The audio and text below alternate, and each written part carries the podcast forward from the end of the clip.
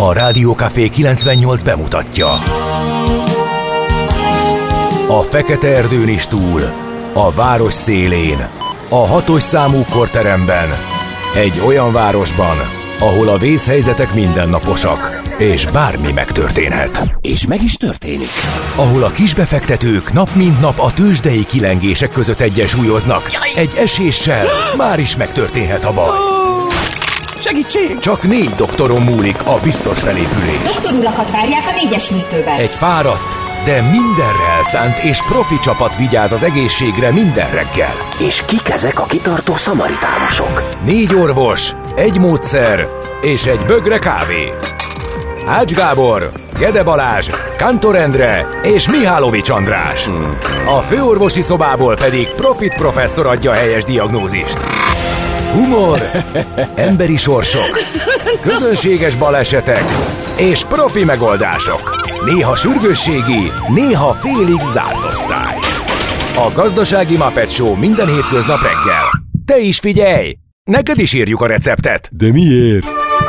Ha nincs pénzed azért, ha megvan, akkor pedig azért. Millás reggeli. Egy kis kanállal minden reggel, és minden rendben lesz. A Millás reggeli főtámogatója a Schiller Flotta Kft. Schiller Flotta is rendtakár. A mobilitási megoldások szakértője a Schiller Autó tagja. Autók szeretettel. A műsor támogatója a GFK Hungária, a cégek technológia alapú adatszolgáltató partnere. Jó reggelt kívánunk, kedves hallgatók! Elindítjuk a mai millás reggelit itt a Rádió Café 98.0-án, február 23-án csütörtökön reggel fél hét után három perccel Ács Gáborral. És Gede Balázsa, aki keményen állja hát, ütéseket. Igen, igen, igen, igen, ez a negyedik zsinórban, és akkor most így éreztem is az idő múlását és a korosodást, hogy ez már nem úgy megy, mint hmm, annak idején. Lehet, hogy nincs összefüggés, csak ki tudja. Hát ö, lehet. Mással nem a... lehet megmagyarázni. De, igen. Esetleg a kevés alvással, ami mindenkorban, nem tudom. Nem tudom, hogy Nyilván mindenki ez... így érzi. Ugyanakkor magyarázatnak is bármire jó a korosodást tegyük Abszolút, hozzá. azt mindig mindenre rá lehet húzni, amikor az embernek kicsit ö, ö, lassabban mennek a dolgai, vagy kicsit enerváltabb. megérkeztem. Na jó, ö, te is alvás nélkül szabadságból kipihented. Hát, ilyen volt a menetrend, későn jött a járat, úgyhogy... Ja, hogy azért. Hát csak persze, hát ha rajtam múlott volna, akkor már korábban itt lettem volna, de hát alkalmazkodik. Világos, világos. Na jó van. Hát kérem szépen érdekes volt, mert a olvasom a Dékartás útinformációját, hogy erős forgalmi viszonyok között lehet közlekedni Gödről Pestre minden szakaszon 24 perc a menetidő zugló, hmm. zugló Hermina mezőre. Hát itt a Balatoni út, Budaörsi út relációban gyakorlatilag hát nem, nem, is, nem is értettem, kicsit ilyen hétvégi volt a, a hangulat, annyira kicsi volt a forgalom, és Aha. Hát azzal együtt sikerült azért csütörtök reggelből nekem egy morgós csütörtököt varázsolni no, egy buszsofőrnek. Hát egyébként szerintem már volt ilyen morgás, hogy a, a profi, ugye, aki tehát a busz volánja mögött elképzelünk, mert hát 8 órában semmi dolga más egyéb, mint vezetni a járművét, figyelni a forgalmat, figyelni másokat. Így van. Amikor megérkezik a dögüres Balatoni úton, de úgy, hogy egy autóként és már ott vagyok a buszöbölnek a jól látható végébe, és Eléd e- elém fordul, uh-huh. akkor, amikor úgyis menetrendtartási problémái lesznek, mert hogy kicsi a forgalom, tehát ugye uh, akkor van az, hogy 32-vel megy, meg nem tudom, az utas cserét még egy kicsit meghosszabbítja egy-két perccel, hogy múljon az idő. Nem, beszédül elém, és akkor, hogy hosszú darabon 34-jel mehettem valóban, ahogy ő, hogy ez de férjen bele, hogy belepillant a tükörbe, és azt mondja, összesen egy autón, akit elengedek, és körülbelül 6 másodperccel e, később tudom folytatni az utat. Nézzek, pont, hasonló, pont azon dilemmáztam, már így autós is vagyok, gyalogos is vagyok, biciklis is vagyok, minden is minden, vagyok, de hogy igen. amikor éppen, Mikor mi? amikor éppen sehol senki, és uh, én ilyenkor úgy nem szoktam lelépni az ebre, kicsit távolabb állok meg, jön két autó, aztán kegyelmesen átsétálok, amikor ilyen kicsi forgalom van, nincs senki. És amikor meg én vagyok egyedül az autóba, uh, és uh, utolsóban lelép uh, elém a gyalogos, akkor elgondolkodom rajta, hogy Igaz, tehát alapvetően szabályos nyilván, a zebra erre való, a gyalog hely, de engem mégis kicsit zavar, hogy miért nem lehet ezt úgy kulturáltan, mert mindketten jobban jártunk volna, tehát most nem kell volna teljesen fölöslegesen igen, lefékeztetni, igen, és újra. Igen, bár ez nekem egy kicsit más eset, nekem a gyalogos az, az, az, az Ezzel- mindent visz. Én értem. ott, ott én, Én az, azt is erre értem, nem hogy tudok kiakadni arra a kollégára, mondom, aki a profi Jó, gépjárművezető, ö, és, és na, na mindegy, szóval. Nekem igen. nagy igényeim vannak ezek szerint. Illetve hogy én ugyanaz jön elő, mint, mint oly sokszor, hogy nagyjából ugyanazt várnám el, amit én is megteszek, mert úgy, Hát igen, egy kis úgy figyelmesség, logikus, ugye, egy a hiánya aztán az Akkor mind a ketten jobban járunk, benzint se pocsékolunk, akkor miért ne tad menjen minden, majd vagy olyan, lámpánál is van, ahol egyből a lámpa kapcsolja át az autóknak a pirosra, és ha nem sietek, akkor hadd menjenek, aztán majd, amikor nem kevés autó jön, akkor nem. Oké, gyerekkoromban játszottam, amikor volt egy ilyen lámpa Miskolcon, hogy direkt oda mentünk szivatni az autósokat, hogy pirosra váltsuk nekik a lámpát, de hát abból már kinőttem. Az már régen volt. Igen. Egy hallgató szerint az nem fér bele, hanem direkt csinálják. Igen, egyébként bennem is megfordult, hogy hát ugye azt mondjuk, hogy a közösségi közlekedésnek előnye van, és biztosítsuk a... Ő meg a kész, ezt komolyan is gondolja, és be... Na mindegy. Nézd, vannak olyan dolgok, én, én tényleg nem sose változnak. jogi alapon firtattam ezt a kérdést, csak ilyen pusztán ilyen figyelmesség oldalra. De ez abszolút mindenhol megvan. Hát nézd meg a, mit tudom, repülőkre, amikor beszállsz. Igen. De hogyha éppen uh, kinnál még száz ember a placon, mert ilyen gyalogos beszállás, és még szakad az eső, akkor is lesz legalább három ember, aki az első között száll föl, elállja a folyosót, uh-huh. és 10 percen keresztül senkit nem edel maga előtt, akkor leve- leveszi a kis kabátját, és akkor aztán leáll minden. Nincs olyan járat, hogy ne találj három ilyen embert, aki miatt az egész leáll, és egy 10 perccel hosszabb az egész Igen. fölmenés. Nem, mert ők nekik az jár. Hát ez az, mind- mind semmi, ugyanarra mert sem, mert semmi nem sajnos. számít és magukon Igen. kívül. Ez, ez, ez mindenütt megvan. Hú, ez, ez egy, egyelőre a nagy díjas üzenet megérkezett, ezt meg fogom jegyezni, nagyon köszönöm, ez persze a hallgató, hogyha a licenszet átadja a használatra. Azt írta ugyanis, hogy Balázs is olyan öreg, hogy mikor megszületett a holtenger még csak gyengélkedett. Ez így van. Viszont eh, Nagyon jó ebből ki kell, hogy ragadjuk magunkat, a, hogy is, hogyan a saját hajunknál fogva, vagy hogy szokás ezt mondani? Igen. Igen, mert hogy Münchhauseni módon. Egy bizonyos időn túl ez is sok lesz, úgyhogy föl kell, hogy pörögjünk, át kell, hogy evezünk az élet napos Persze. oldalára. Jó kedvűek leszünk, optimisták, Fiatalos, fiatalosak, fiatalosan. mindenki. Ezt is az öregek mondják, És csupa, fiatalos. csupa jó fej ember a környékünkön, meg mindenhol az egész világban, úgyhogy próbálunk ilyen hangulatot is teremteni majd. Így van. Már csak azért is, hogy az Alfredok megfelelően ünnepelhessenek, illetve köszönthessük őket, mert hogy az ő nevük napja van ma, illetve a hölgyváltozatnak is, az Alfreda nevet viselők is ma ünnepelhetnek, és van még egy-két érdekes név, Balambér, Fáta, Romina, Mirtil, Lázó és Lázár, Szirén és Szemere. Sokan ö, ünnepelnek ma, köszöntünk mindenkit nagy szeretettel. Egy-két eseményt elmondunk még, hogy mi az, ami erre a napra esik február 23-ára. Például 1455-ben Johannes Gutenberg nyomtatni kezdi az emberiség első nyomtatott könyvét, a Bibliát. 1991-ben pedig a sivatagi vihar hadművelet keretében elsőként francia csapatok nyomulnak be délnyugat Irakba és 97-ben egy tudományos áttörésnek nevezhető kísérlet, skót tudósok bemutatják a sajtónak Dollit, az első sikeresen klónozott emlőst. Ennek már 26 éve, és ez így megállt, akkor ugye egyszerre volt ez egy ilyen nagy meglepetés, meg, meg a tudomány diadala, és egyszerre volt rémisztő, hogy uh, ilyet lehet csinálni, úgyhogy uh, nem is tudom, talán ez is ez is ö, visszafogta azt, hogy hallunk ezekről a dolgokról. Most meg a mesterséges intelligencia. Most meg a mesterséges a intelligencia... rémisztő, rémisztő sokaknak, Hát, illetve az, hogy igen. miket képes megcsinálni most már. Hú, erről is beszélni fogunk ma a Igen. műsorban. Születésnaposaink közül Erik Kessner, német író, költő 1899-ben született, és egy másik nagy ö, művész, filmrendező, színházi rendező, ö, Jerzy Mencel pedig 1938-ban.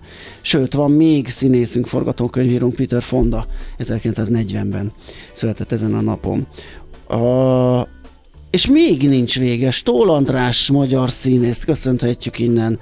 Születésnapja van, és Emily Blunt, brit színésznő is ma ünnepel.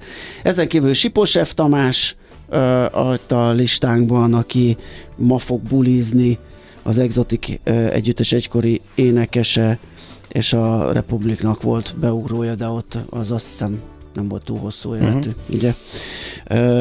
Kálmán Olga, magyar újságíró szerkesztő műsorvezető is ma ünnepel február 23-án. Nos, elmondjuk akkor még egyszer az elérhetőségünket 0636 980 980, ez nem tudom még egyszer van-e, mert most így hirtelen nem is rémlik, hogy mondtuk volna, de uh, most elsütöttük, úgyhogy akinek ez esetleg nem volt meg, annak most megvan, és írhat, üzenhet, az első zene alatt is akár, ami, ha jól látom, egy könyvi ja, azon mosoly, lesz. Igen, azon mosolyogtam éppen, hogy a Kálmán Olga pályamódosítását, ezt figyelmen kívül hagytad, és egy csomószor előfordul, hogyha ha valaki úgy sok minden egyéb után végül politikus lesz, akkor valahogy sose abban a szerepben szeretjük mi se emlegetni, most is ez a helyzet. Na, mindegy. Hát abból a haj, hajjal kiragadás, hogy mi is volt Igen. az? Hát arra nem lesz alkalmas a Queen Bidal, de nagyon jó. Tehát ez még inkább a, inkább a melankolikus vonalhoz tartozik, de megígérjük, Jó, hát hogy a...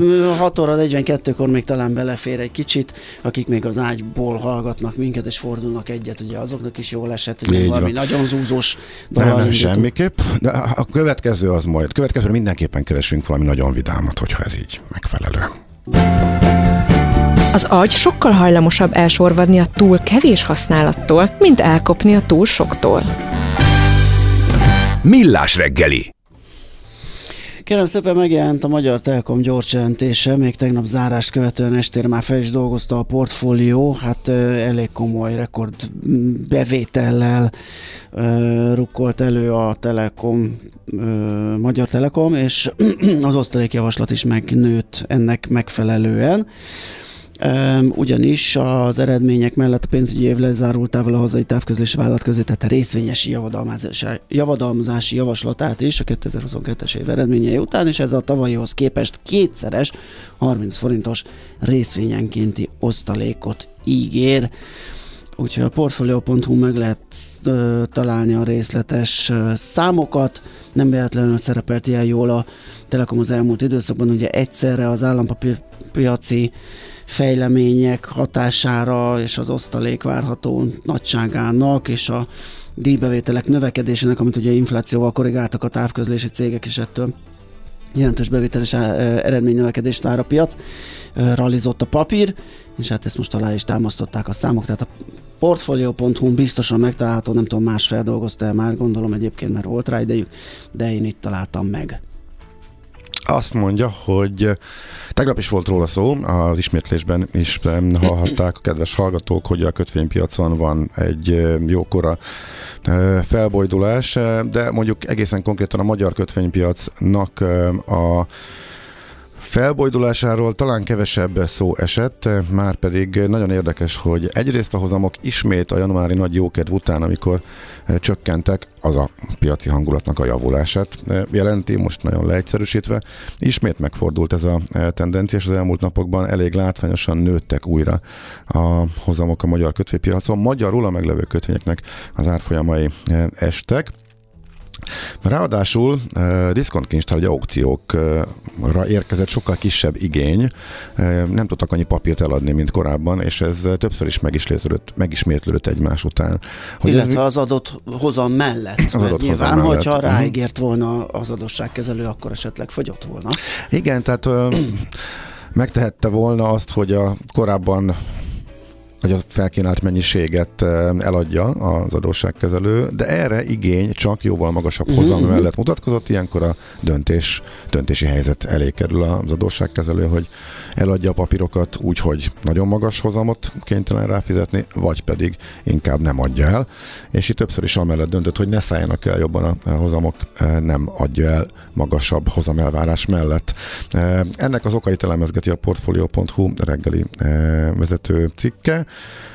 Az a címe, hogy erős harapófogóban a magyar állampapírok, felbojdult hirtelen a piac. Miért? Tehát alapvetően két eh, fő okot avonosítanak. Az egyik, amiről volt szó, az a külpiaci negatív eh, hangulat, eh, de globálisan is erős fordulat van a kötvénypiacokon.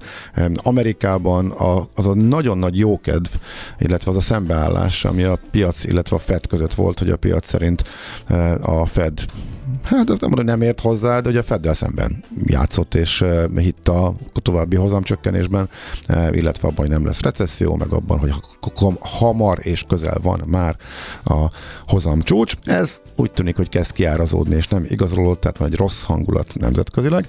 Másrészt a Magyar Nemzeti Banknak is van egy egyhetes diszkont kötvénye, amelynek a hozzáférhetőségét javította az elmúlt időszakban, heti rendszerességévé tette ezeket az aukciókat, és lényegében a bank azzal, hogy több belföldi szereplőt engedett be erre a piacra, ezzel elszívja a keresletet a diszkont kincstár egy aukciókról is, tehát amelyeket az államadosság kezelőközpont tartja. Na szóval ez még sokkal részletesebben, ez a ritkán látható piaci anomália, en, illetve ennek a háttere a portfólió reggeli vezetőjében. A 24.hu egy izgalmas összeállítást közöl, még nem olvastam el, de biztos elfogom, ugyanis egy olyan kérdést feszeget, ami teljesen kézenfekvő kérdés, hogy van-e értelme kormánytámogatást adni olyan külföldi beruházásokhoz, amelyek nagy munkaerőigényel bírnak, és akkor döngetheti a mellét a, a kormányzat, hogy hát munkahely teremtő program keretében támogatja ezt a beruházást, miközben nincs hadrafogható magyar munkaerő, és akkor a távol keletről, vagy nem tudom, Vietnámból, meg ilyen Teljesen logikus kérdés. Ez Abszolút. Nyilván az aksi gyárak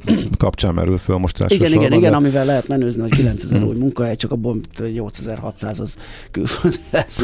Hát hagyján, és, és több millió forintot fizet az állam az adószedők pénzéből fejenként igen, azért, igen, hogy igen, külföld külföldieket hozhasson igen. a munkerőhiányos piacra. Úgyhogy ez egy nagyon-nagyon akut kérdés, hogyha a 24.hu-n lehet megtalálni az erről szóló cikket, de mondom, még nem olvastam el, csak föltűnt, hogy van, és el fogom olvasni, úgyhogy én már így is ajánlom mindenkinek, hogy foglalkozzon ezzel Akkor a csak nagyon gyorsan még a G7-ről egy cikk, hatalmasat kaszáltak tavaly a gázon Európában az oroszok, de évvégén jött az összeomlás. Ez egy politikusok is szeretik kicsipegetni a nekik azokat a számokat, amik éppen az ő álláspontjukat igazolják, hogy az oroszok milyen jól jártak ezzel az egész háborúval, illetve nem jártak jól, illetve hogy a szankciók hatnak-e, illetve hogy a piaci folyamatok nekik dolgoznak-e. Egészen konkrétan meg lehet nézni ebben a cikkben, a szokásos színes, szagos, grafikonos ábrázolásban, hogy az aktuális gázpiaci árak mellett, illetve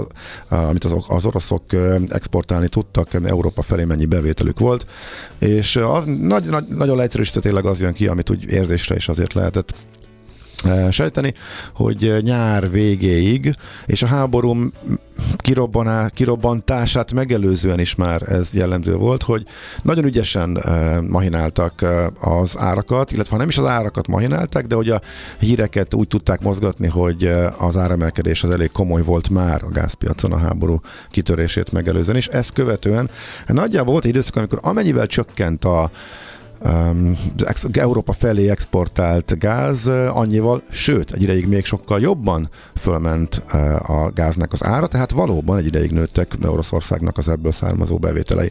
Viszont az utolsó időszak az már tovább zuhanó eladások és zuhanó árak, tehát most már drasztikusan csökken az elmúlt időszakban nagyjából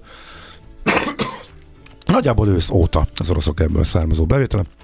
Ezek egészen konkrét számok, jól kiszámolhatóak, és a g7.hu cikke ezt megtette, illetve ábrázolja is. Nem akartam többet, de ránéztem a Greentex-re, hogy ők mivel foglalkoznak, és hát egy nagyon fontos kérdés, ez is a farsangi fánk, és hogy ez hogy jön össze a zöld gondolatokkal, hát úgy, hogy kísérleteztek mindenféle fenntartható és egészséges fánkkal, hát ugye lássuk hát, be, hogy farsang idején ez egy komoly fogyasztást, tehát sokan fogyasztjuk, de hát nem annyira egészséges, és sajnos ők is arra jutottak, hogy a igazán az olajban sült verzió sajnos az a legfiatal finoman, persze vannak mindenféle alternatívák, lehet kísérletezni. Ez tök szubjektív.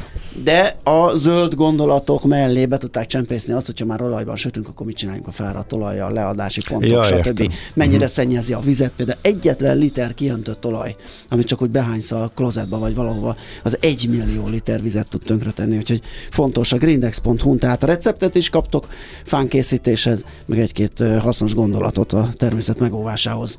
Hol zárt? Hol nyit? Mi a sztori? Mit mutat a csárt? Piacok, árfolyamok, forgalom a világ vezető parketjein és Budapesten. A tőzsdei helyzetkép támogatója, a hazai tőzsde gyorsan növekvő nemzetközi informatikai szolgáltatója, a Gloster Infokommunikációs Enyerté. Hát azért az valamit előrevetített, hogy tegnap, amikor a Szakival beszéltünk a tőzsdenyításról, akkor 101 milliós forgalomról számolt be fél órával a nyitás után. Uh-huh. Akkor sejtettük, hogy nem lesz egy erős nap, de hát gondoltuk mindenki vár, persze Amerika is, meg, meg Fed jegyzőkönyv, csak aztán esett le, hogy az este 8-kor érkezik, tehát a mi kereskedésünk alatt az nem fogja élénkíteni a forgalmat, és nem is tette, mert hogy az, a részvénypiaci összforgalom az 3,8 milliárd volt. Hát ez nem, hogy átlag alatt, és szerintem ez az átlagnak az egyharmada per pillanat. Ö, úgyhogy itt, és hát az index elmozdulás az meg 7 század százalékos csökkenés, tehát mínusz nulla. 45.063-on zárt egyébként a Bux. Na nézzük a vezető részvényeket. Azt mondja, hogy a Magyar Telekomra vártak a befektetők, ugye zárás után tette közé a számait, amit említettem is, hogy jó erősek lettek, és komoly osztalékot fog fizetni. Ehhez képest nem változott a zárásban az ára 377 forint volt. Előtte mondjuk pumpálták rendesen a kurzust, úgyhogy már megelőlegezték a bizalmat a befektetők. A MOL árfolyama 18 forinttal csökkent 2704 forintra, az OTP erősödött 3,1%-kal 10.870-re, a Richter pedig az is változatlanul 7790 forinton zárt, szerintem ezt csinálja már két napja, hogy nem mozdul a zárásra van az ára.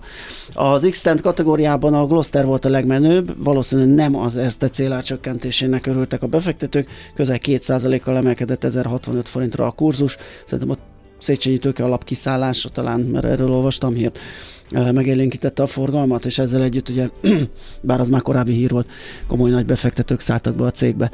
A Chameleon Home az mennyit? 11%-ot esett, hát nem túl nagy forgalomban mondjuk. Az Astraszán 1%-kal, a napenyerté tudott emelkedni fél százalékkal, a Polduk pedig 3%-kal csökkent. Oké, okay, Amerikában az előző napon volt a nagy, hát, hogy hívják ezt, a kiózanodás, hát, túlzás a kiózanodás az elmúlt napokban? Hmm, azt még talán nem amiről, elsés volt. Jó, elsés, amiről, volt. amiről beszéltünk, igen. Még, lehet, hogy mégsem jó annyira szembe menni a piacnak a Feddel, mert most tényleg az van, amit a Fed mond. Sőt, van ez a fedes megmondó ember, aki mindig nagyon szigorú akar lenni a Bullard úr. Ő most bemondott egy még magasabb számot, hogy még magasabbra emelik a kamatot. Mondjuk őnek általában külön véleménye van, de ezt is érdemes hozzátenni, de sem segített tegnap a hangulaton. Viszont... Ez meg Fed jegyzőkönyv volt, azt várta mindenki, amiben meg megint nem volt nem semmi, volt csak semmi. az, amit tudtunk, úgyhogy én is nagy dollár longókba vártam a csodát, és akkor csináltam valami apró pénzt, amiből meg tudok reggelizni, meg esetleg egy ebéd belefér. Parkolás? Még az is. Még az is. Hát akkor azért nem volt olyan rossz. Igen. A mai árak mellett. Kérlek szépen. Na, oké, hát ezzel elmondtunk mindent. El, elején jó volt a hangulat, mert hogy a kötvényhozamok egy kicsit korrigáltak, eh, aztán viszont, hát kijött ez a Fed jegyzőkönyv az előző ülésről, meg itt ez a mackó fedes kamatemelős emberkel ismét megszólalt, és erre szépen lefele csorogtak a mutatók, de hát igazából sem nem volt jelentős az esés, főleg az elmúlt napokhoz képest, de azért mínusz lett, kis mínusz lett a vége. Európában szóval a DAX egy picit egy minimális pluszban tudott zárni, plusz nullában, de amúgy inkább ez a negatív tendencia volt jellemző. Lényegében minden nap, úgyhogy nagyjából ennyit láttunk tegnap a tőzsdéken. Tőzsdei helyzetkép hangzott el a Millás reggeliben. Itt a Czoller Andi velünk kicsit még szundikál. Szia, jó reggelt! Nem, el vagyok keseredve. El vagy keseredve? Igen. A Fed kamatemelés miatt? Nem, azért, mert közeleg a tél. Mi? Mi? Közeleg a tél. Hol? Csoda. Hétvégén. Na, hát az, Ja, az már nem jó, tél, hát az ezt már csak ilyen, kibírjuk. Hát de, ilyen, ez egy havas eső, havazás, minden. Hát ez igaz. Az csak egy ilyen lövőcsel, a csatár elhasal, és utána jön a tavasz. És le, én is módosítottam a hétvégi programot, emiatt bekuckózás lesz a szabadtéri helyett, ez kétségkívül így van. De... Én eleve ilyenre terveztem, hogy, változatlanul tudok nyomni a dolgokat. És egyébként én is szomorú vagyok, írja egy kedves hallgatónk, törzs hallgatónk, John Buorno, a zsírban sült fánk szép szalaggol a hasán körben, és csodálatos. És magam elé képzeltem egy ilyen langyosra visszahűlt fánk, nem fánkot, fánk kupacot, amire lapátolom rá. Hecsed lélekvárra. Azzal, vagy akár barackkal, vagy bármivel. Jaj, na hát ehelyett teszek egy zsemlét kefirrel, amíg Czoller híreket mond, aztán jövünk vissza, folytatjuk a millás reggelit. A mai világban könnyen félrevezetnek a csoda doktorok és a hihetetlen megoldások. Az eredmény? Hája pocim marad, a fej még mindig tar, a profit meg az ablakban. De már is segítenek a legjobb orvosok. Doktor megelégedés, doktor higgadság, doktor vidámság és doktor nyugalom. Doktor úr, ennek össze-visszaver a GDP-je, a pulcosa meg egy csökkenő gyertya. Két végéről égette. Ezt visszakalapáljuk, és olyan hozamgörbénk lesz, amilyet még dr. Alonso Mózdi sem látott. Millás reggeli. A gazdasági Muppet Show. Figyelem! Fogyasztása függőséget okoz. A Millás reggeli főtámogatója a Schiller Flotta Kft. Schiller Flotta is rendtakár. A mobilitási megoldások szakértője a Schiller Autó tagja. Autók szeretettel. A műsor támogatója a GFK Hungária, a cégek technológia alapú adatszolgáltató partnere. Jó reggelt kívánunk minden kedves hallgatónak, ez a Millás reggeli itt a Rádió Café 98.0-án február 23-án csütörtökön reggel 7 óra 10 perckor. Itt van Ács Gábor. És itt van Gede Balázs. És uh, 0636 980 980 ez az SMS, WhatsApp és Viber számunk, bár a Vibert most nem találom, úgyhogy majd technikai segítséget kell kérnem, mert eltűnt a gépről egész egyszerűen. De a másik két üzenési lehetőség az megvan, és Whatsappról, vagy a Whatsappon érkezett hozzánk egy üveg lecse, ö, na, Egy üveglencse? Hecsedli lekvár képe, ami nekem picit gyanús, megmondom őszintén, ugye Szoller Andi említette a frissen sült fánkot Hecsedli lekvárral, de ebben ilyen valami nagyobb darabkák vannak. A Hecsedli lekvárnak, a csipkebogyó lekvárnak meg ilyen nagyon homogén, ilyen pasztaszerű az állaga. Tehát a hecsedli ez a csipkebogyó. A Hecsedli a csipkebogyó, igen. Hm. Annak, aki esetleg nem tudta, hogy a Hecsedli. Én sem tudtam. Érdekes. Hallottam róla, de nem tudtam, hogy ez ugyanaz. Uh-huh. Ö, Ennél hasonlóképpen a, a spenót és a paraj Tényleg? viszonylatában jártam, és maradt ki nekem sokáig, pedig szerettem Igen. a menzáról. Ah, És melyik oké. nem volt meg? A nyilván a paraj. A spenót azért az elterjedt. Hát az volt, hogy spenótot ettem és szerettem, és utána tudtam, hogy van parajfőzelék, de nem tudtam, hogy ugyanaz.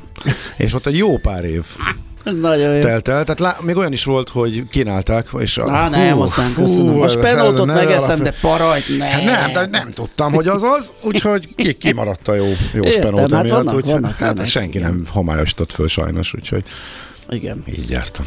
Öm, jó. Azt mondja, hogy keresek még útinformációt, hát olyat írtak a hallgatók erre a két lehetőségre, mert hogy mondom, egyelőre sajnos több nincsen.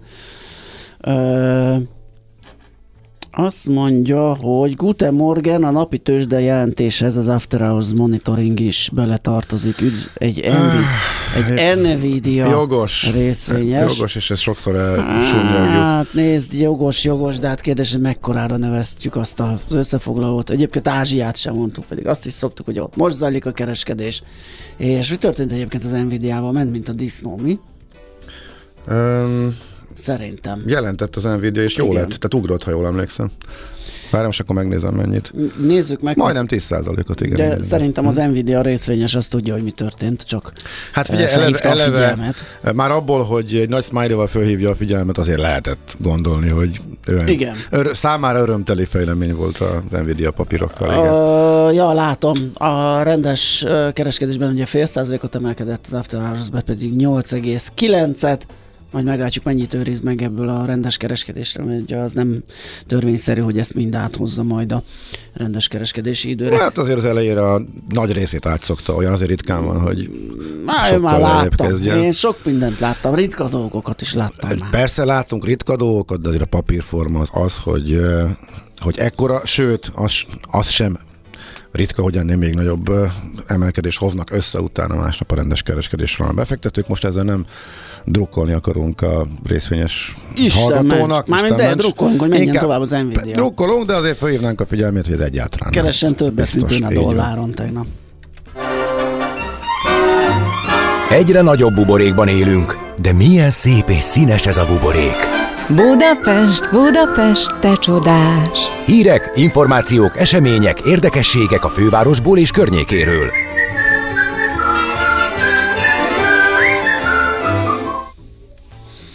Na hát nézzük, milyen híreink vannak. Hát az egyik az, hogy parkolási pufferzónákat jelölnek ki a fizetővezetek és az ingyenes területek között a második és 12. kerületben. Igen, ezt már meséltük a múlt héten is, majd csak hogy megerősítést nyert a dolog. Hát igen, mert talán most fogadta el a közgyűlés, vagy ez hogy volt? Ö, mm, valami ilyesmi. De ez szó mit, mit akar hát ez pontosan? Mi az, hogy pufferzóna? róla. A pufferzóna az azt tudod, hogy a fizetőzóna határán Igen. azokban az utcákban a, lényegében a, a, ott lakók nem tudnak megállni, mert hogy mindenki ott rakja le a kocsiját kb. a táblától kifelé, ahonnan, el, ahonnan a fizetőzóna van, és egy csomó ilyen utca van, ahol ez bekövetkezik. Aztán amikor áthelyezik a fizetőzóna kezdetét, akkor az egész odébb helyeződik, és eh, ez a pufferzóna, ez a fizető zóna előtti eh, néhány utca, és ezt eh, a második kerület és a 12. kerület is részletesen közvetette és kijelölte, hogy melyik utcákról van szó. Ugye itt speciális parkolási szabályok lesznek majd érvényesek, pont azért, hogy az ott lakók is meg tudjanak állni, ne pedig a mm, autóikat a fizetés nélkül a város lehető legbelsőbb részében lerakók eh, használják az ottani parkolóhelyeknek eh, a döntő többségét, úgyhogy eh, ezt, ezt erről szól. Mi volt még a közgyűlésben? Hát Á, ezt kicsit is tudtuk, aggódom. hogy megemelik a reptéribus Igen, és kivezetnek öt terméket, és Erre- Erre, ezek igen. szerint akkor megszavazták szerintem, mert közte volt az 5 per 30. Igen, múlt héten a javaslatként már beszéltünk Igen. róla pont ugyanebben a rovatban, és akkor most Aj. konkrétan. Hát vége. A, Hát vége, és majd csak sokért öt- tudok az öt per- közlekedni. mi az 5 per 30. 30-as jegynek. Hát azért valljuk meg, azért boomer jegy az. Tehát maga, Mi az, hogy boomer jegy? Az a Mayer jegy, az az autós, aki igenis fölül a tömegközlekedésre időnként. Elnézést. É, Én kérek elnézést. attól még Hogy próbálom az, az csökkenteni a, verzió, széndiokszid talpamat. Az a verzió, hogy a kis golyóstolodat megfogva kell kiixelgetni a kezdő A, időpontot. de, de, de az, és- bocsánat, azt kéne elektronikussá tenni, nem ezt Erre megszüntetni. utaltam én, és hát én nem ellenkezni De a termék akartam. maga, meg. A, maga a termék az jó lehetne, de maga a kivitelezés, a technológiai kivitelezésre azért az, hogy is mondjam, a 19. század legvégére emlékeztet. De jó, akkor még nem voltak nyomtatók, Jó, meg, oké, de... és a lyukasztó, hát ne haragudjál. Ja, ja persze. Okay. Hát ezt legalább nem jó, kellett mert- lyukasztani. Hát figyelj, az meg, meg valahol látványosság. Tehát ott jönnek a külföldiek, és, és A röhögnek szerencsétlen külföldi Tehát ott tipródott tegnap a 72-es trolli, mert bezárta a tömeg középre, és szorongatta a jegyét, és csak a két végén talált izét, és nem bírt oda jutni. Jó kis látványosságot anyázott magába. Szegény. Hát figyelj, meg is megvan a maga bája. Nyilván mesélte otthon, hogy milyen királyhely Budapest. Igen, és milyen könnyű kezelni a jegyet a tömegközlekedésen, és nem kell izgulnia, hogy jön a kaller. Na, hát akkor ezek voltak a közgyűlési hírek. Azt mondja, hogy hát annyi van még, hogy elfogadta a Budapesti Gyógyfürdő és Évizei ZRT az idei üzleti tervét. Uh-huh. 19 milliárd forintra kívánja növelni, és a, az árbevételét 16-ról és itt már dohogtunk, nem tetszett Kántor, Edének, hogy a menőbb és több külföldit kiszolgáló gyógyfürdők drágábbak lettek, onnan, hogy fizesse ki a külföldi, míg a inkább hazaiak által látogatottak pedig csak mérsékelten emelkedtek, és hát nyilván ez az üzleti terv része, hogy ilyen módon próbálják nem hogy kompenzálni az energiaszámláikat, de még a bevételeiket is növelni. Uh-huh. Oké, okay, akkor még uh, Móricz Csabján uh, Simon uh, fotóriporter emlékére nyílik kiállítás. Ezt mondjuk el mindenképpen. Uh, még hozzá, hétfőn uh, az Einspach Fine Art and Photography galériában. Uh, 42 éves korában egy szörnyű háztartási balesetben hunyt el az egyik legkiválóbb magyar fotóriporter, és uh, őrá eképpen emlékeznek majd. Sok, rengeteg, hát nem sorolnám föl, hogy hány díjat kapott, és sokat foglalkoztatott kiváló fotoriporter volt sokaknak, sokunknak volt kollégája is, úgyhogy az ő fotóit lehet majd tehát megtekinteni a jövő héttől. Uh, jó, nincs időnk de Mire? hát Attól mert függ. rákeresztem, hogy mi kapunk a BKK-tól sajtóközleményeket, és hát a, a cím nagyon diplomatikus, átláthatóbbá teszi termékkínálatát a BKK. Tehát ez jelenti azt, hogy kivágta a francba az egy jó kis 530 de egyébként ebből kiderül, több derül ki, Igen. mint amit az előbb citáltunk, ugyanis azt mondja a társaság, hogy a jelenlegi megoldás helyett egy digitálisan elérhető új termék bevezetésén dolgozik. Ja, hogy lesz helyette valami? Úgyhogy remélhetőleg Mhm. április 1-től, amikor kivezeti ezt a ezeket a termékeket, addig be lehet lapátolni egy-két előre időzítettet belőle, majd megnézem, hogy mit enged az automata. Mhm. Lesz utána digitális portéka belőle. Hogy állsz a Budapest góra átállásra, mert te azt nem lépted meg? Te marad. Én, Mhm. de azzal tervezek útvonalat, és vettem már egy szülinapi jegyet is. Na de- Azonnal rám csapott a BKK, ügyben. mint új ö, kuncsaft, kérek szépen, és egy kérdőív keretében ö, feszegette azokat a kérdéseket, hogy hát hogy tetszett, és egyáltalán fogok-e még vásárolni termékeket. Te elköltöttél potom 150 forintot a Hát ne rendszerben. haragudj. És nem csinált kedvet hozzá? Te nem digitalizálódsz már? mint De ez nem kedv kérdése. Hát lenne kedvem, hogyha fölteszik digitálisan az 5 per 30 akkor lesz nagy kedvem megvenni. Másnak nincs kedvem, mert minden te, te, drágább ragasz, nálam. tehát ragaszkodsz a jegyedhez. Igen. És a tízes gyűjtő nincs rajta, addig inkább automatázol, ahelyett, hogy megvedd a rendes áru jegyet kényelmesen. Hát most nem tudom, mit csinálok. Ezt még, Hát hát, még ezért újra vagyok- tervezés. e- ezt próbálnám letapogatni, Újra hogy tervezés alatt van a Hogy- dolog. Azt Az- meg lehet, hogy a, a, a 30 perces ö, jegyet fogom venni, az ki tudja váltani, ugye nekem két átszállós a sztori, uh-huh. De hát azért az is nem 4950-re fog kijönni, hanem valami 5002-re. Hát, ez, hát ó, mekkora ravasz Hát számolgatás azért. lesz ebből, én már látom, mert ha ide jössz reggel járművel, Majd azt BKV-val, akkor az már legyen. 90 perces egy, ha jól számolom, ugye? Hát, Mert hogy a 30-ban nem fér bele a két átszállás. az a vicc, hogy a Hát, 30-ba belefér otthonról, visszafele viszont nem biztos, hogy ez Aha, ó, hát akkor még bonyolítja a ki kell, ki számítást. kell ezt kalkulálni rendesen. Tudod mit? Erre van egy nagyon egyszerű megoldás. Havi bérlet. Mi? Hát azt meg nem tudom kihasználni. Tíz éve nem emelkedett az ára, és lényegében hú, már majdnem mondtam, Na. hogy ezzel kezdődően, hogy és milyen Szóval fillérekkel. Tehát nagy, nagyon De ha olcsó. nem megyek, akkor sok lesz. Ha egy héten egyszer bejössz, vagy egy héten, hát nem tudom, mennyiszer kell menni? Egy héten kétszer. Figyelj, ezt majd kiszámoljuk a kell zene alatt, nagyon oké. megy az idő, és sajnos az egy éves évfordulója van ennek az orosz-ukrán háborúnak, úgyhogy fel kell hívnunk Feledi Botondot. Meg az kicsit- fontosabb is, mint hogy mit Igen, a saját így van, így van. problémáinkat számolgatjuk. Nekünk a Gellért hegy a Himalája. A Millás reggeli fővárosi és agglomerációs infóbuborékja hangzott el. Rádió Café 98. Újra van barátod. Nos, ahogy említettük, egy éves az orosz-ukrán háború, egész pontosan ugye február, tavaly február 24-én ö, indította ezt meg az orosz fél, és, és hát most egy éves, úgyhogy Felendi Botont külpolitikai szakértővel fogunk egy ilyen Hát nem is tudom, hogy összegzést, vagy inkább a kilátásokat feszegetjük, de majd mindjárt eldöntjük. Itt van a telefonvonalunk túlsó végén. Szia, jó reggelt! Sziasztok, jó reggelt kívánok! Azért gondolkodtam, ne- nincs sok időnk erre, tehát kérdés, hogy az összegzést megcsináljuk-e, vagy meg különben is végig asszisztáltuk a segítségeddel ugye a háborút, vagy inkább most itt az egyéves évfordulóra időzített Putyin beszéd és az abból, abból kikövetkeztethető folytatás az izgalmasabb esetleg, amire ránézünk így a, ennek a szomorú évfordulónak az alkalmából. Hát összegezni az adóban nagyon ambiciózus lenne, de biztos lenne két olyan következtetés azért, ami, ami talán túlmutat azon, hogy most épp a frontvonal hogyan alakul, vagy, vagy hány töltényt fogy. Tehát um, tulajdonképpen az egy szerencsés dolog, hogy, hogy egy évvel később is azt érzem, hogy ahhoz képest, hogy más konfliktusokkal szoktunk foglalkozni, ezzel még mindig többet foglalkozunk, miközben körülbelül három hónappal a háború kitörés után érzékelhető volt azért egy a média kezdődő belefáradása a történetben. Uh-huh ami, ami egy normális spirál, csak az a kérdés, hogy ez mennyire hamar megy az inflexiós pont felé. Igen. És és van, van azt hiszem néhány olyan következtetés, ami, ami túlmutat azon, hogy önmagában egy ukrán-orosz front létezik. Tehát azért itt rengeteget beszéltünk az Unióról, a, a magyarok helyéről az Unióban, az Uniónak a jövőjéről ennek kapcsán. E, és hát egy picit azt is láttuk, főleg így a, a hétfői rovatunkban is, hogy, hogy a világ nagyobb része azért az egészen más gondol erről a háborúról. Nem biztos, hogy orosz pártiak, de az, az is elég valószínű, hogy nem annyira euróatlanti pártiak.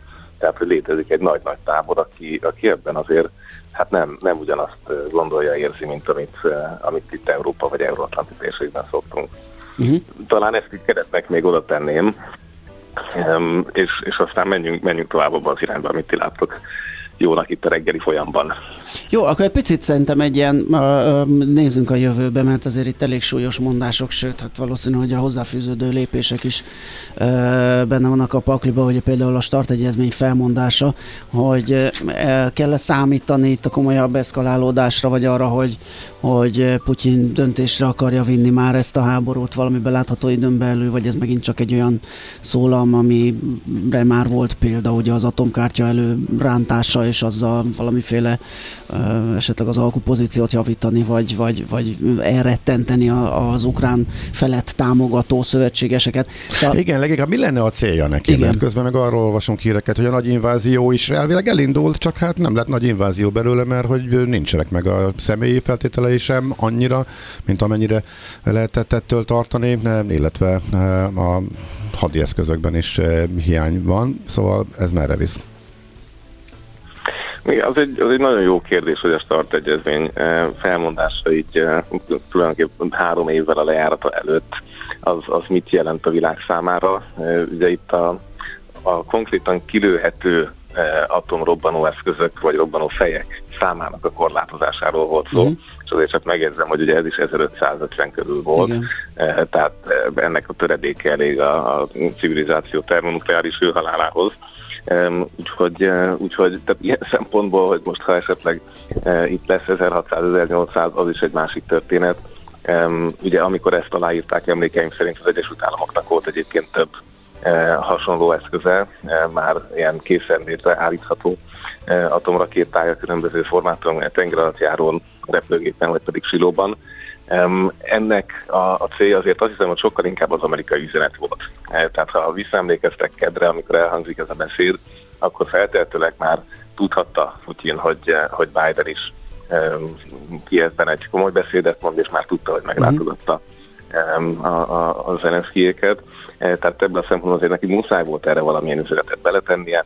E, egyébként ennek az egyezménynek a valódi jelentősége a kapcsolattartás. Tehát itt ugye szatelliten keresztül, illetve évi több tucatnyi kontaktcsoportos látogatással lehetett egymás létesítményeibe jönni-menni, e, és e, ugye az első időkben is úgy értettük ezt a felmondásnak a praktikus értelmezését, hogy nem akarja, hogy NATO országok bármilyen képviselete ellenőrizgethessen orosz intézményekben bármit. Tehát ez, ez kifejezetten egy NATO ellenes, Amerika ellenes üzenet, ami, aminek nem biztos, hogy a, a, a legfőbb következtetése az, hogy ezt most be is akarja vetni, de persze örül annak, amikor a nyugatot lehet zikálni azzal, hogy, eh, hogy megint egy eh, két hétig gondolkozunk arról, hogy hogy néz ki egy atomháború. Tehát ezt kifejezetten szeretik ezt a narratívát, eh, hiszen minden olyan narratíva jó, ami a helyi kormányzatok, a NATO tagországok kormányzatainak a tehetetlenségére utalnak. Világos. Látszik-e esetleg olyasmi, ami, ami azt vetíteti előre, tudom, hogy ez egy nagyon nehéz kérdés, hogy ne kelljen itt két éves évfordulóról beszélgetnünk majd, mert hogy egyelőre mi laikusok szerintem csak az a végtelen elhúzódását látjuk, és a megoldás meg valahogy sehogy se látszik. Hát nagyon, bocsánat, nagyon távol áll egymástól az, amire azt gondolnánk, hogy Putyin eh, belemenne, illetve amit az ukránok eh, szeretnének, is. illetve az, hogy még a krímet is vissza a ukrán oldalról, és teljes egészében az oroszok eh, kivonulása, ez Putyinnak tűnik teljesen elfogadhatatlannak, a jelenállás szerint is, emiatt vagyunk pessimisták. Abszolút jogosan vagytok, tehát a reál pessimista nézet szerint, eh, és Petrius tábornok szerint is, aki egy nagy interjút adott a CNN az évforduló kapcsán, eh, ugye abszolút abba az irányba megyünk, hogy, eh, hogy ahogy most télen is, hogy kisebb-nagyobb intenzitású napokkal, de elhúzódhat ez a konfliktus abszolút a következő évre. Ugye már csak azért is, mert a következő évben lesznek olyan események, amikben megint mindenféle reménykedhet már előre, ugye részben az amerikai elnökválasztás, részben egy orosz elnökválasztás, részben egy ukrán elnökválasztás. Még akkor is, hogyha ezek egyike másika adott esetben elhalasztható, tehát az oroszok nyilván mondhatják azt, hogy a helyzetre tekintettem később, később zajlik, vagy kérdés, hogy Ukrajnában ezt hogy oldják meg. Eh, hm, Főleg ennyi menekültel, akik fizikailag nem ott vannak, ahol szavazhatnának, tehát eh, ezek, ezek nagyon izgalmas politikai, belpolitikai kérdések lesznek, amire mind a két fél megint számíthat. Tehát, hogy ez a mire számíthatunk időhorizont, ez annyira nem hónapokban, hanem akár évben, másfél évben, két évben is mérhető, hogy, eh, hogy mindig lesz egy pont, ami miatt valaki azt gondolhatja, az ukrán fél vagy az orosz fél, hogy még kedvező pozíciót harcolhat ki. Um, és, és az oroszoknál ez amúgy is egy hagyományos szolgált orosz harci taktika, hogy ember van, eh, legfeljebb szórunk oda még egy picit. Uh-huh. Um, az ukránoknál pedig láthatólag a morál egész elképesztően megerősödött. Tehát um, az, hogy a civilek sem kezdtek el nagy számban menekülni télen. Tehát ugye erre volt felkészülve Európa, hogy lebombázták ott a, az infrastruktúrát, és ehhez képest nem erről olvastunk az újságokban. Eh, Tehát minden, amit láttam a Frontex jelentései kapcsán, ott nem volt jelentős eh, hullámemelkedés, menekült hullámemelkedés, ami egészen döbbenetes.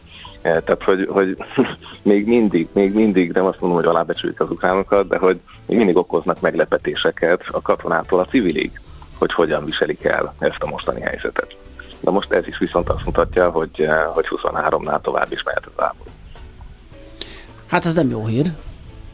Jó, öm, És tudom, hogy ez megint a, ez- ez a legnehezebb, de hogy eh, mi lehetne, vagy lehetne olyan megállapodás, eh, ami, tehát hogy mindketten engedhetnének a béke érdekében, amivel mondjuk illetve Európa nyomására esetleg, illetve mondjuk úgy, hogy akkor a nyugat eh, nyomása az erősödhet-e Ukrajnára abba az irányba, hogy engedjen a követeléseiből eh, a béke érdekében, és itt nagyon, nagyon könnyű nyomás gyakorlásként azt felhozni, hogy ha csak belengetik, erről ugye olva- megint csak lehetett olvasni, hogy em, csökkentik a, a harcászati eszközökben mért támogatást, szóval, hogy képes lehet-e a nyugat abba az irányba befolyásolni a ukránokat, hogy engedjenek, és eh, területveszteségek árán is közelebb jöhessen a béke. Mm, El tudok képzelni ilyen kritikus pontot, tehát hogyha a nyugati szövetségesek úgy érzik, hogy, hogy a mondjuk a 2023-on megkövetkező nemzeti választások abba az irányba tolják ezt, hogy, hogy eh, nehezebben fenntartható, akkor, akkor inkább egy tűzszünet felé elviszik a dolgot. Ugye azt hiszem, hogy Zelenszky elnök tűzszünetet írna alá akkor, hogyha ha nem a teljes terület visszahódításáról van szó, tehát ez a legvalószínűbb forgatókönyv. Békeszerződést nehezen tudok elképzelni, de hát ugye ez még a japánokkal se sikerült a második világháború óta az oroszoknak, úgyhogy uh-huh. ezt, ezt nem gondolom, hogy, hogy eh, cél lenne bármelyik oldalon is jelenleg. Ráadásul egy, csak egy pillanatra gondoljunk bele, és ezt most épp egy harvardi professzor írta meg, hogy e, ugye a, a nyugatnémet, eh, keletnémet verzióval tulajdonképp elégedett volt a nyugati világ, amikor létrejött, hiszen abba bíztak, hogy ez csak ideig óráig kérdés, hogy a keletnémetek külön vannak, és előbb-utóbb úgyis visszatérnek a, a gazdasági és katonai előnyök miatt is a, a, nyugati táborba. E, tehát lehet ezeken érveket találni, hogy, eh, hogy területi veszteséget hogyan politikai értelemben, meg nemzetközi politikai értelemben hogyan lehet eladni. De talán a legfontosabb tényező azért az mégis az, hogy, hogy itt nem pusztán arról van szó, hogy hány fegyver és hány katona van a fronton, hanem megint csak mire számíthat a hadviselő fél. És ebben azt hiszem, hogy az egyik stratégiai fordulópont az az lehet, hogy Kínát mennyire sikerül visszatartani az oroszok segítésétől. Ugye erről szólt a Müncheni Biztonságpolitikai Konferencián is az amerikai külügyminiszternek az összes kiszólása, Tehát ha az oroszok azt érzik, hogy egyébként vásárolhatnak még iráni drónt, meg a maradék történt az észak-koreaiaktól, de igazából a kínai segítség az nem érkezik, és sokkal inkább a, hát a, a szó hagyományos értelmében vett kínai imperializmussal szembesülnek, közép kezdik elveszíteni. És ki tudja mennyire durva diszkontárakra nyomják le, mint szinte monopólvásárlók Indiával az orosz energiahordozók árát, akkor azért egész más a dolog, mint hogyha hirtelen a kínai tech is lehetőséget látnak ebben, és telepenik őket e, modern technikával, ami, ami a háborús eszközök gyártásához szükséges. Tehát azt hiszem ez egy fontos kérdés, hogy az oroszok mennyire láthatják a saját hadiparukat fenntarthatónak, mert ha annak látják, akkor, akkor megint nagyon máshogy állunk ehhez, míg ha sikerülne ezt egy picit um, hát a, a kínai cégeket az amerikai szankciókkal azért lehet fenyegetni. Um, és ne felejtsük el, hogy tavaly minden ellenére, tajvani látogatás ellenére, a pártkongresszus ellenére rekordot döntött az amerikai-kínai kereskedelmi mérleg. És azért ezt egy picit ízlelgessük. Tehát uh-huh. van a politika és van a gazdaság. Igen, igen, igen. E, és ez a kettő köszönjük szépen, jó el van egymás nélkül is az esetek egy jó részében. E, tehát e, ez szerintem egy hihetetlen fontos kérdés, és nem látjuk még pontosan, hogy, eh, hogy itt mekkora mozgástere van a kínai gazdasági döntéshozóknak, nyilván egy szűkülő, hiszen erről szól Xi Jinping harmadik ciklusa, de még mindig van, tehát uh, itt szerintem a következő fél év legizgalmasabb meccse tulajdonképp itt a függő mögött fog zajlani, ami aztán meghatározza a frontonalat is. Hát oké, okay, köszönjük szépen, és hát majd a segítségeddel követjük is ezeket a megbeszéléseket. További szép napot neked! Nektek is eh, jó, jó visszagondolást, és hát a saját percepcióink takarítását talán ez a másik tanulság, mm. hogy, Igen. hogy egyszerűen csak eh, nézzük meg, hogy mi az, amiről azt gondoljuk, amit mi szeretnénk gondolni, és mi a valóság odakint. Na jó, igen, hát, ezt, jó, ezt jó próbáltuk most is, igen, és köszönjük, hogy segített. Szép napot, szia, szia! Dr. Feledi Botont külpolitikai szakértővel beszélgettünk az orosz-ukrán háborúról, aminek eh, hát egy ilyen sajnálatos egyéves évfordulója van. Ami nem megy, azt nem kell erőltetni. Millás reggeli. Tudod, mi az a koktél cseresznye? Hát azt, hogy hol szeret a cápa, akkor figyelj, mert játék következik.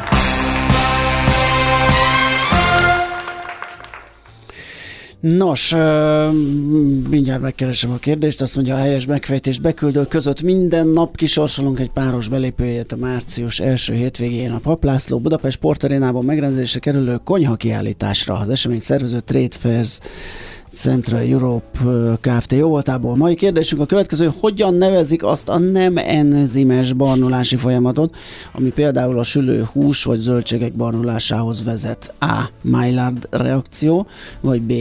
Planiszféra jelenség, vagy C. Borealis képződés. A helyes megfejtéseket ma délután 4 óráig várjuk a játékukat rádiókafé98.hu e-mail címre. Kedvezzem ma neked a cseresznye! Na hát azt játszok mostanában, hogy hogyha csütörtök, akkor Dr. Nagy Marcel, ugye múlt héten már beszélgettünk. Jó reggelt kívánunk!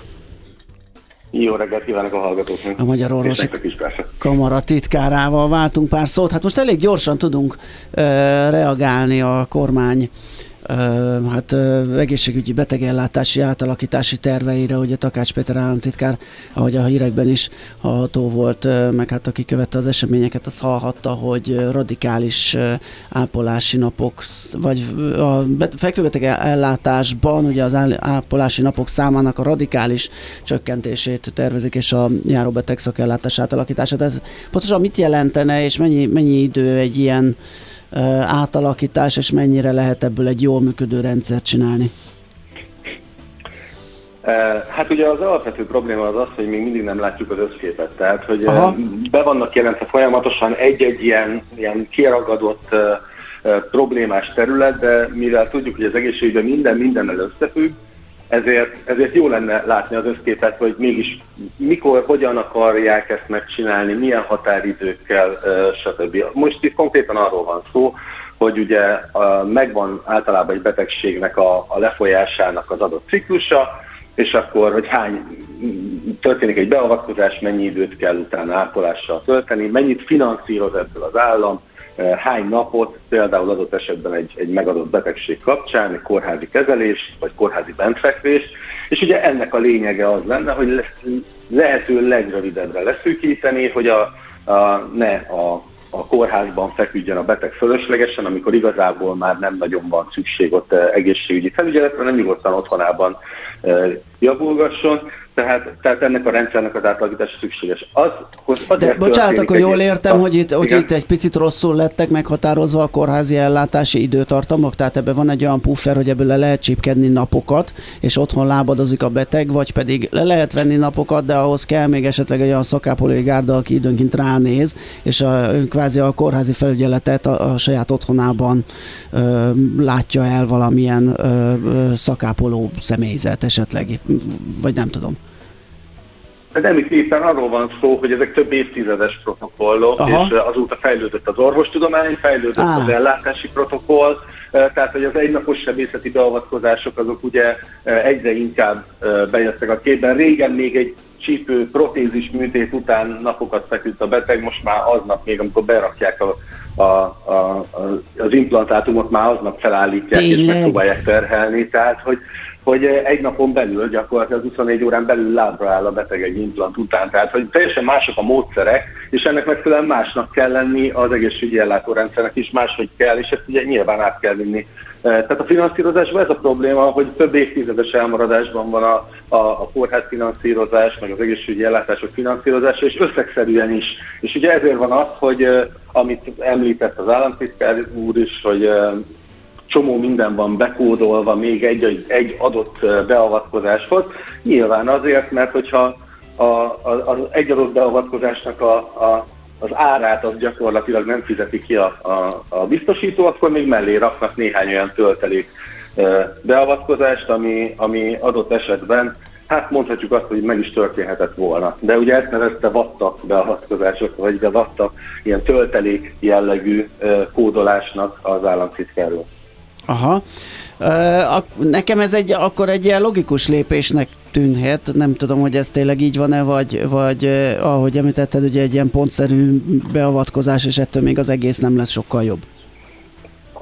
Hát rengeteg, rengeteg, rengeteg probléma van. A problémák nem újdonságok, tehát hogy ezek Igen. tényleg évtizedes problémák, amelyek mindenki tudja. Tehát minden, ma mindenkori egészségügyi vezetés, kormányzat, mindenki mindig tudta, hogy ezek a problémák megvannak, és mindenki megpróbálja köpszurkálva a felszínt piszkálni ezekben a, a kérdésekben, de nem látunk olyan stratégiát, ami le lenne rakva az asztalra, hogy akkor ezt hogyan fogjuk megvalósítani, mi ehhez az erőforrás. Hát közben ugye GDP arányosan iszonyatosan keveset költünk az egészségügyre az európai átlaghoz képest is, tehát eh, ha másfélszeresét költenénk, mint most, akkor lennénk az európai átlagnál. Mi nem a jobbaknál, hanem az átlagnál. Aha.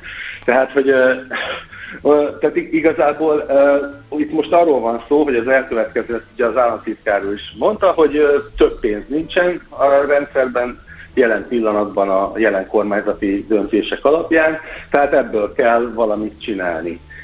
Tehát gyakorlatilag olyan, olyan intézkedések történnek, amelyek azért jelentős forrás bővítéssel nem járhatnak, hiszen most nincsen ilyen mozgástere a kormány, legalábbis az egészségügyi részének a kormányzatnak. Aha, akkor itt nem is feltétlenül az a baj, hogy, hogy ö, ilyen adhok vagy pontszerűen intézkednek, hanem azt nem látni, hogy hova fut ez ki, tehát mi, mivé válik esetleg az egész nagy egészségügyi ellátórendszer, és mi a koncepció lényege. Igen, ez most az orvosoknak is egyébként ugye az egész orvosi tiltakozásnak a legnagyobb problémája, hogy, hogy nem, nincsen semmiféle nyilvánosságra hozott koncepció, nincsenek benne mérföldkövek, hogy mikor, meddig szeretnénk elhaladni, hogyan nem együtt dolgozzuk ki, és minden, ami egyébként a, a, az ilyen, ilyen üzenetekben nagyon jó, meg a probléma megfogalmazásokban a kormányzat, hogy igen, ezzel is ezt tervezzük csinálni, és fantasztikus. Igen, Persze, mi is örülünk neki, üdvözöljük ezeket a terveket, majd ezek után megjelennek olyan jogszabályok, meg olyan szakmai anyagokat kapunk egy indikátorrendszerre, ami alapján mondjuk történik a finanszírozása az alapellátásnak, vagy éppen egy orvost akarnak minősíteni, anélkül, hogy a, a kórházi osztályat, vagy az adott az adott ellátó tímet minősíteni, tehát hogy is ráadásul ugye fizetéselvonást eredményez, tehát maguk a tényleges intézkedések, azok pedig egyáltalán nem azzal vannak összhangban, mint amit a, a táblati célok megfogalmaztak. Uh-huh. Hát, És ez, ezt, a fajta, ezt a fajta ellentétet, ezt egyszerűen nem lehet feloldani. Világos. Hogyha már az orvosokat említetted, ugye itt az, valamelyik nap csodálkoztunk rá, sőt döbbentünk meg, ugye amit a Magyar Orvosi Kamara Facebook oldalán ilyen figyelmeztetésként közölt, posztolt, hogy ö, 30 év alatti magyarországi házi orvosok száma összesen 5 fő. Tehát ez, ez megint egy olyan akut probléma. Ez a, ez a szakor... Igen, ezzel, e- ezzel annyi van, ezzel, ez az, ez természetesen ez egy figyelemfelhívás. E, Itt arról van szó, hogy e, olyan, aki ugye az egyetem után elvégezi az orvos, akkor egy általános orvosi diplomát kap, Aha. és utána belelép a szakorvosi képzésbe, ami egy három éves szakképzés. Itt egyszerűen ez a szám ez azt akarta, hogy a 30 év alatti házi orvos szakvizsgát tett szakorvosoknak a száma, ez egyszerűen csak egy figyelemfelhívás, egy jól megfogható szám, arra, hogy nem választják nagy, nagy számban a Igen. házi orvosi szakmát az orvosok, mert főleg a kezdő orvosok, a fiatal orvosok, azoknak egyszerűen nem pálya. Ez a, ez, nincsen, nincsen igazából életpálya modelljük eh, ezzel kapcsolatban. Nagyon-nagyon sok mindent meg kellene oldani ahhoz, hogy ezt a szakmát vonzóvá tegyük. De hát ez ö, nagyon fontos lenne, mert ebből óriási probléma lesz előbb-utóbb.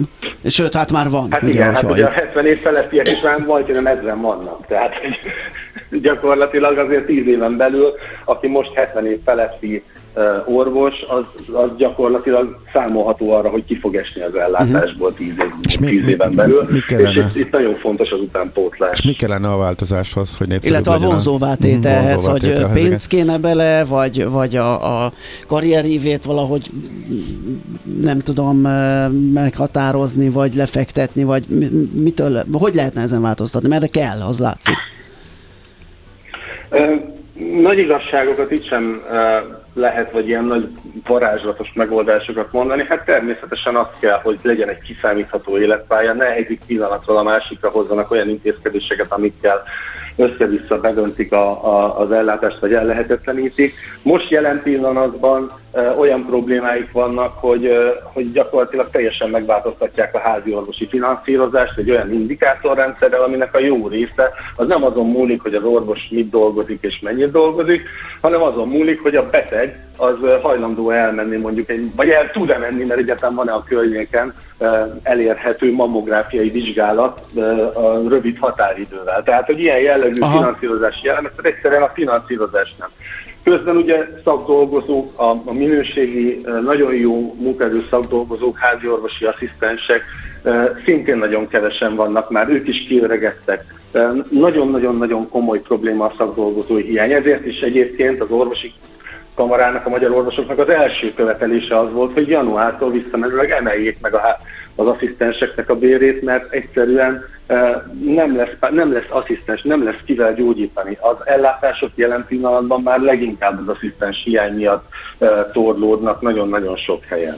De ilyen munkaerőhiány mellett ugye még a többletmunkáért járó bérüket sem kapják meg. Az ami a helyzet? Arról van valami fejlemény?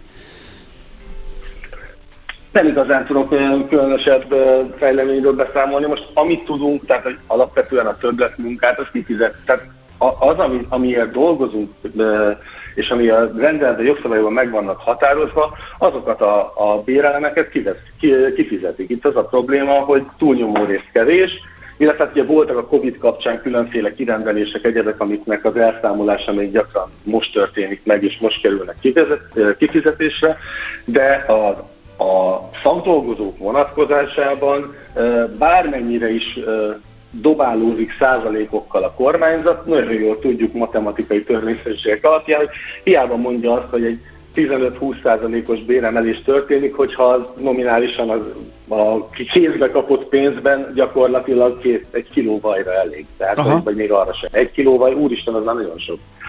Igen. Tehát, tehát, hogy, hogy gyakorlatilag, gyakorlatilag ez a probléma, hogy, hogy annyira, annyira kevés, annyira méltatlan az a bér, amit kapnak a szakdolgozók, hogy egyszerűen az a pályát, egyszerűen elhagyták a pályát. Hát Nyilván. nyilván egy, Erre mondta Cser Ágnes, az orvosok adják oda nekik, ehhez mit szóltak? Hát én, én egyébként én, én, én tényleg csodálom ezt, a, ezt az embert, mert uh, tényleg több rekorder szerintem ilyen uh, szakszervezeti körökben, hiszen 18 éve folytat bértárgyalásokat, tehát hogy ez, ez önmagában mutatja, mennyire tud sikeres lenni. Egyébként ő volt az, aki, aki 2020-ban azt mondta, hogy a méltatlan és zavart keltő, hogy az orvosi kamara azt akarja, hogy a hálapénzt azt büntethetővé tegyék. És hát most jelen pillanatban szerintem még szakszervezeti vezető ilyet életében nem csinált sehol, tehát hogy ebben tényleg valószínűleg világ első Cserágnes, hogy felszólítja a saját saját Igen. Uh, tagjait, hogy a saját tagjai emeljék már meg a, a saját tagjainak a fizetését. Tehát, hogy ez, ez hogy az ő pénzükből, tehát a saját tagjai pénzéből fizessék ki a saját tagjait, ez, szerintem még szakszervezeti vezető ilyen, ilyen, ilyen konkrét ajánlattal Érdekes konstrukció. a kormányzat felé. Igen, tehát ez egy unikum mondjuk ki, tehát nekünk van egy ilyen, ilyen szakszervezeti vezetőnk, úgyhogy, úgyhogy üdvözöljük sok szeretettel ezt az ötletet. Az, hogy ez törvényben van rögzítve, meg visszamenőleges hatály, ez már bele sem menjünk ennek a megvalósításának a jogi borzalmába, meg azok után valószínűleg, amit mondtam, tehát az utóbbi két hónapban olyan jogszabályok jelentek meg, olyan jogszabálymódosítások, amelyek gyakorlatilag az orvosi, egészségügyi dolgozóknak minden rétegét hátrányosan érintik, és, és problémát okoznak. Na erre, hogyha még úgy gondolják, hogy az orvosok fizetésének az elvonásából próbálják meg a szakdolgozni, hát sok siker, de szerintem azzal aztán tényleg sikerül kiborítani minden bilit. Okay. Hát jó, meg De nem. Ez egész mondom, egy, egy, egy, egy elképesztő, egy populista kommunikációs húzás, ez csak ez az egész. E, nyilván. Nincs semmiféle valós, valóság. Uh-huh. Egy vicc. Oké. Okay. Hát köszönjük szépen, meg nem oldottuk a helyzetet, de egy ilyen lázgörbét tovább rajzoltunk talán az egészségügyi állapotáról. Köszönjük még egyszer, szép napot kívánunk, jó munkát! Én is köszönöm, Szervusz. jó munkát! Dr. Nagy Marcellel, a Magyar Orvosi Kamara titkárával beszélgettünk. És akkor most pedig mi következik? Mondjad. Hát te vagy a beharangozó. Nem, én nem vagyok. Meg te vagy az üzenet felolvasó. Az se vagyok. Hát ide kiemeltél egy csomó üzenetet, és akkor most kéreted magad? Hát most mit kéne? Én is csoportosítsak át a fizetésemből? Vagy mi, hát mi igen, igen, neked? például így van, így van. Jó reggelt, millás doktorok! Hatos, M0 irányából elesett. Sor és lépés, K hallgató írta. Aztán Spenót paraj döbbenet után újabb meglepi ma reggel, az egyes villamoson utazó döntők többsége a Hős utcában dolgozik. Onnan kezdve van üres szék is, még a felszálló ellenőröknek is jutott hely. Aztán egy nagyon érdekes ö, dolog, ö, ugyanis azt írja hogy hallgató, hogy vegyen meg a havi bérletet, ugye amit mondtam, hogy nem tudom kihasználni, mert nem járok vele annyit, annyi napon és az a költség is majd, motivál majd, hogy többet BKV-zak. Abban a pillanatban megvetted a bérletet, és azon merengsz, hogy használd a benzint, és kényelmeskedjél, és szennyezd a környevetet, és fizessél parkolást, vagy a már meglevő, tehát onnantól kezdve rögtön ingyenes bérlettel közlekedj, Ugye, ugye? Hát Ezen ez, elgondolkodtál azért, ez látszik. Egyelőre jó. odáig jutottam, hogy elgondolkodtam. Ezért igen. ilyen olcsó egyébként, hogy... Persze, hogy, hogy én megjegyem. Hát, hogy ne, hát meg, hogy még sokan mások, igen, igen hogy igen, elgondolkodjanak igen, rajta, mert ez, a, ez, a, ez a helyes irány, ebbe próbál mindenki téged terelni. Hűha, és a, szó, a jó kis szóviccem. Azt nem találom. Na, ez előbb itt volt. Ez nyilván nem érvényes, a Gede a legskótabb köztetek, hogy nem hajlandó havi bérletet venni. Nem csak így állítanak be a kollégák. Nem, ilyes ilyet rá, légy a, a, a Whatsappon volt. A, igen, azt mondja, hogy akkor az Ács G rég para jellenség volt. Tehát értitek, hogy para jellenség, nem...